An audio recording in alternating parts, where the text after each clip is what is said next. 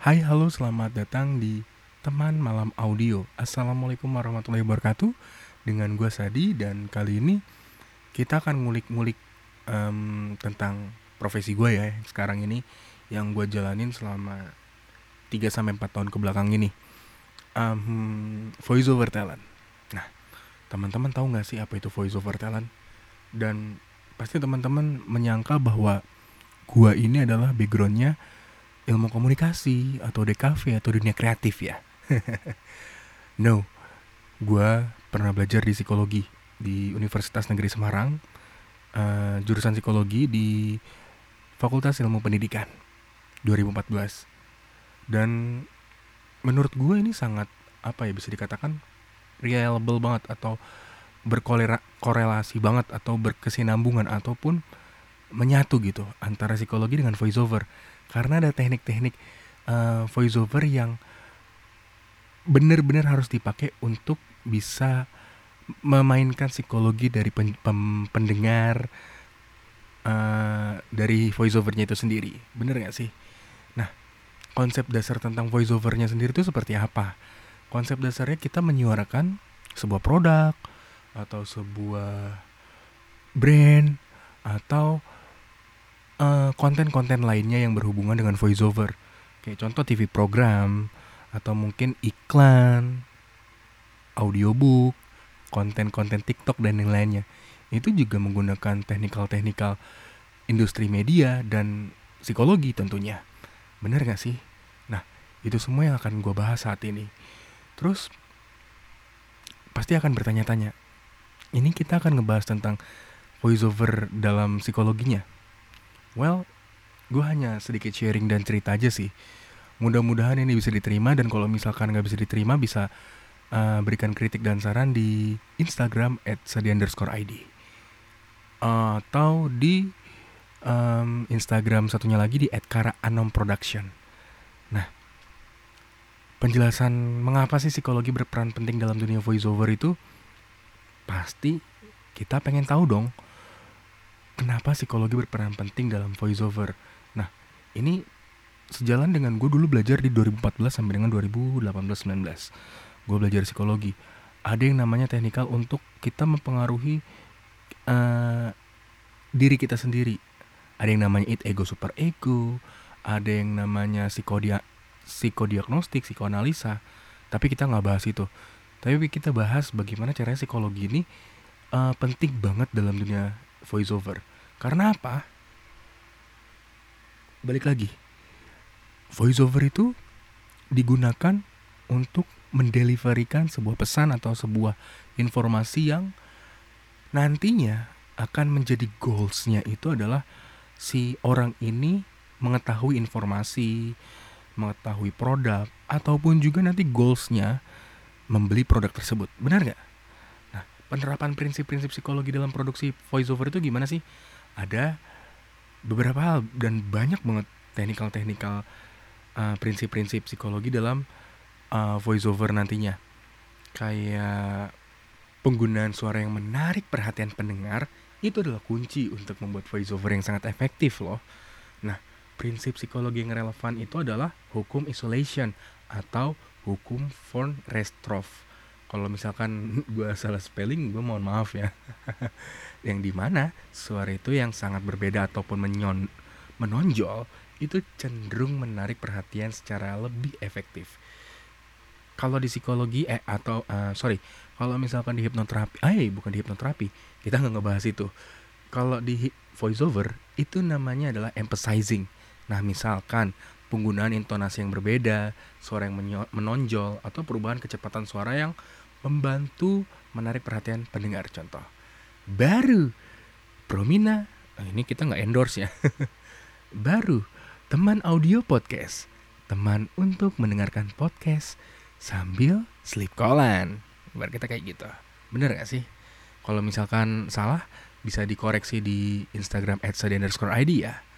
Nah lalu ada yang namanya emosi atau suara dalam voiceover itu memiliki potensi besar untuk membangkitkan emosi para pendengarnya.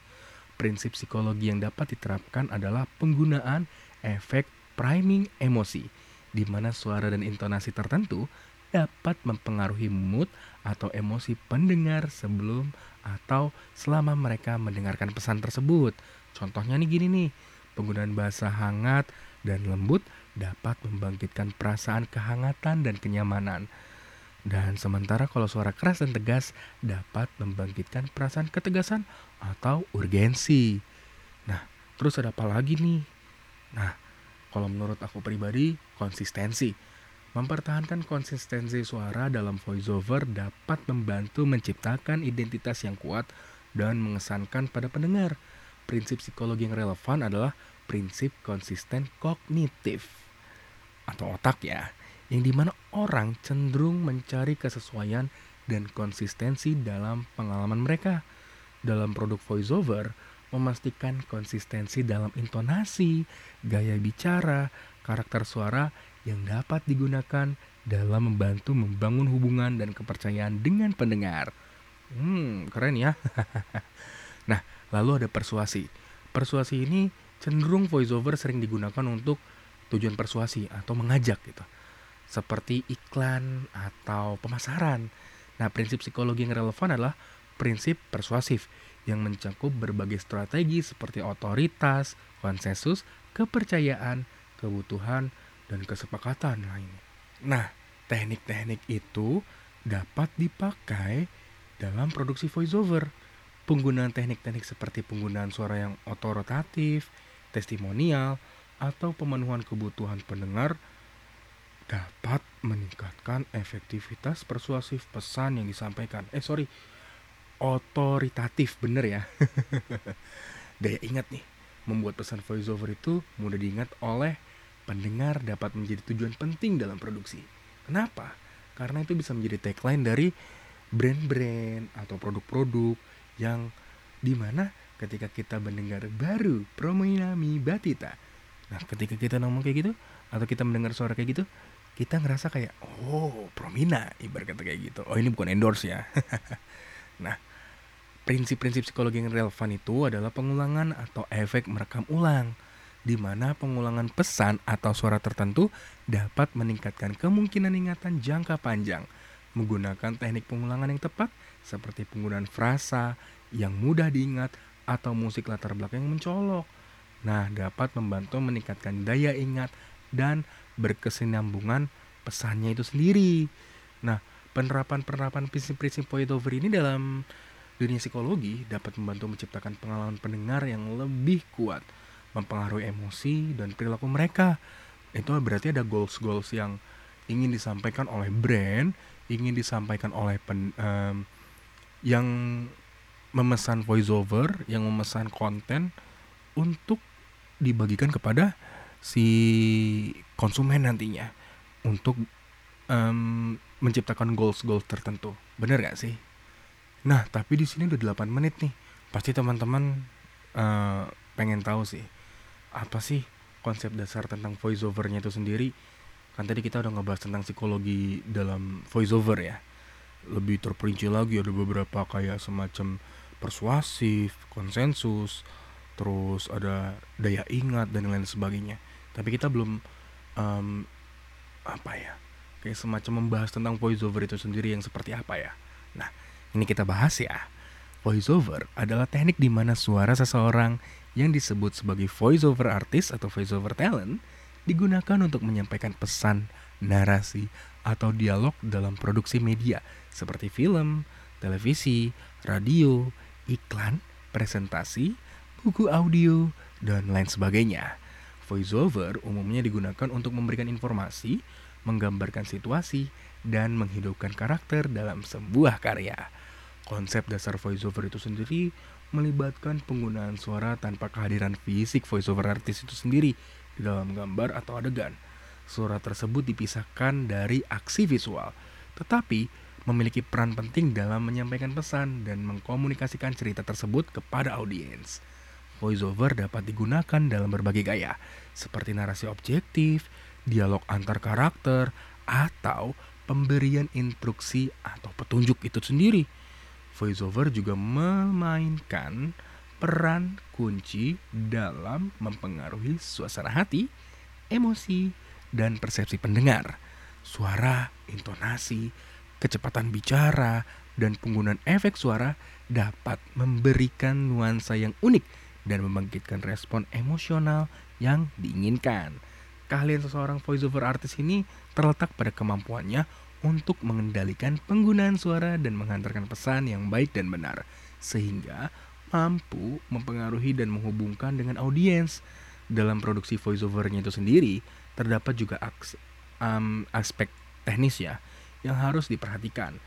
Nah, seperti penggunaan mikrofon atau peralatan rekaman yang berkualitas, pengendalian pernafasan, pengeditan suara untuk memastikan kejernihannya itu sendiri, kebersihan, dan kualitas audio yang baik. Nah, voiceover sendiri memiliki peran yang luas dalam industri media, termasuk film, televisi, radio, iklan, permainan video, dan masih banyak lagi. Seorang voiceover artist harus mampu mengadaptasi gaya bicara dan penampilannya sesuai dengan kebutuhan produksi, serta mampu menghadirkan kualitas suara yang unik dan menarik untuk memenuhi tujuan komunikatif dari proyek tersebut. Wah, keren banget ya. And you know what? Ini udah 11 menit loh. Apa kita nyambung ke part selanjutnya aja ya? Nah, kalau mau kamu di subscribe ya um, podcast teman audio malam ini teman malam audio khususnya dan kita akan ngebahas tentang psikologi dalam voiceovernya itu sendiri. Penjelasan mengapa psikologi berperan penting dalam voiceover terus juga apa lagi? Um, penerapan prinsip-prinsip psikologi dalam voiceovernya itu sendiri. Uh, contoh penggunaan teknik-teknik psikologi dalam voiceovernya itu sendiri. Nah, ini juga penting nih bagi teman-teman voiceover talent ataupun yang mau terjun di dunia voiceover ataupun yang sedang berskripsi tentang psikologi dalam dunia voiceover. Pengaruh emosi dalam voiceover dan metode psikologi dalam voiceovernya itu sendiri. Efektivitas dan juga kesimpulan. Panjang ya nggak mungkin satu episode dong kalau satu episode yang ada malah dibuat satu jam atau dua jam sayang kepanjangan oke sekian dulu podcast yang saya buat untuk teman-teman teman malam audio jangan lupa di subscribe di voice overnya hey bukan voice over di instagramnya Sadi underscore ID Karanom Production dan Spotify ini nih di teman malam audio kita ada di noise juga ada juga di Spotify ataupun platform-platform podcast lainnya ya. See you next time, sehat selalu dan berkah selalu. Amin. Assalamualaikum warahmatullahi wabarakatuh.